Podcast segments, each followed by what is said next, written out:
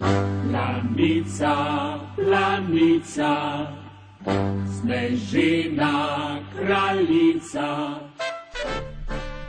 Ja, dolina pod poncami te dni res dobiva kraljevsko podobo. Rekordne daljave, trume obiskovalcev, sinje modro nebo. Vse kaže, da se vsako leto na koncu vse sešteje kot se mora. Tudi cekini?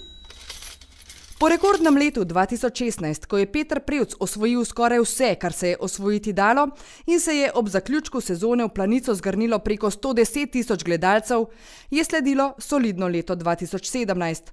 Lani pa je bilo gledalcev skoraj pol manj kot na vrhuncu. Pa letos? Skupaj s prej omenjenimi trumami obiskovalcev so v blagajno kot po tekočem traku leteli tudi cekini. Kaj pa organizatori lahko pričakujejo letos? Morda izgubo?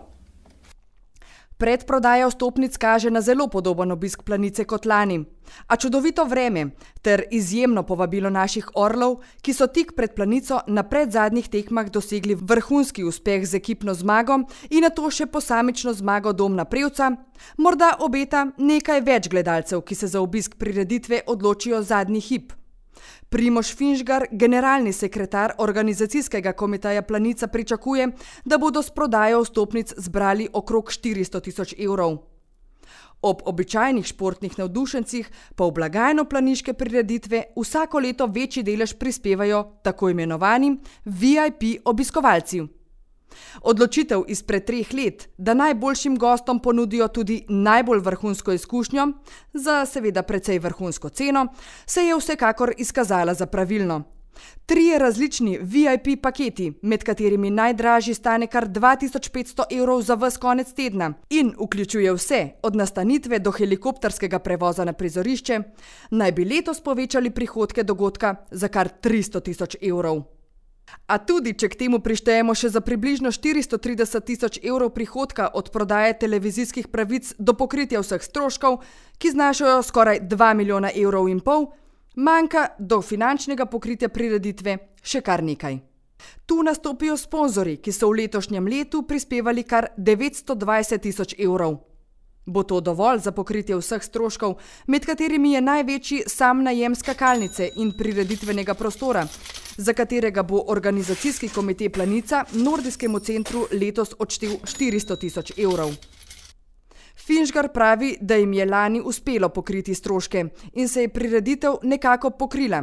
Zaključili so jo s približno 50 tisoč evri presežka, podoben scenarij pa pričakujejo tudi letos. In še odgovor na vedno aktualno vprašanje: koliko domov na koncu odnesejo skakalci? Nagradni sklad v Planici bo za vse tri tekme skupaj znašal nekaj več kot 200 tisoč evrov.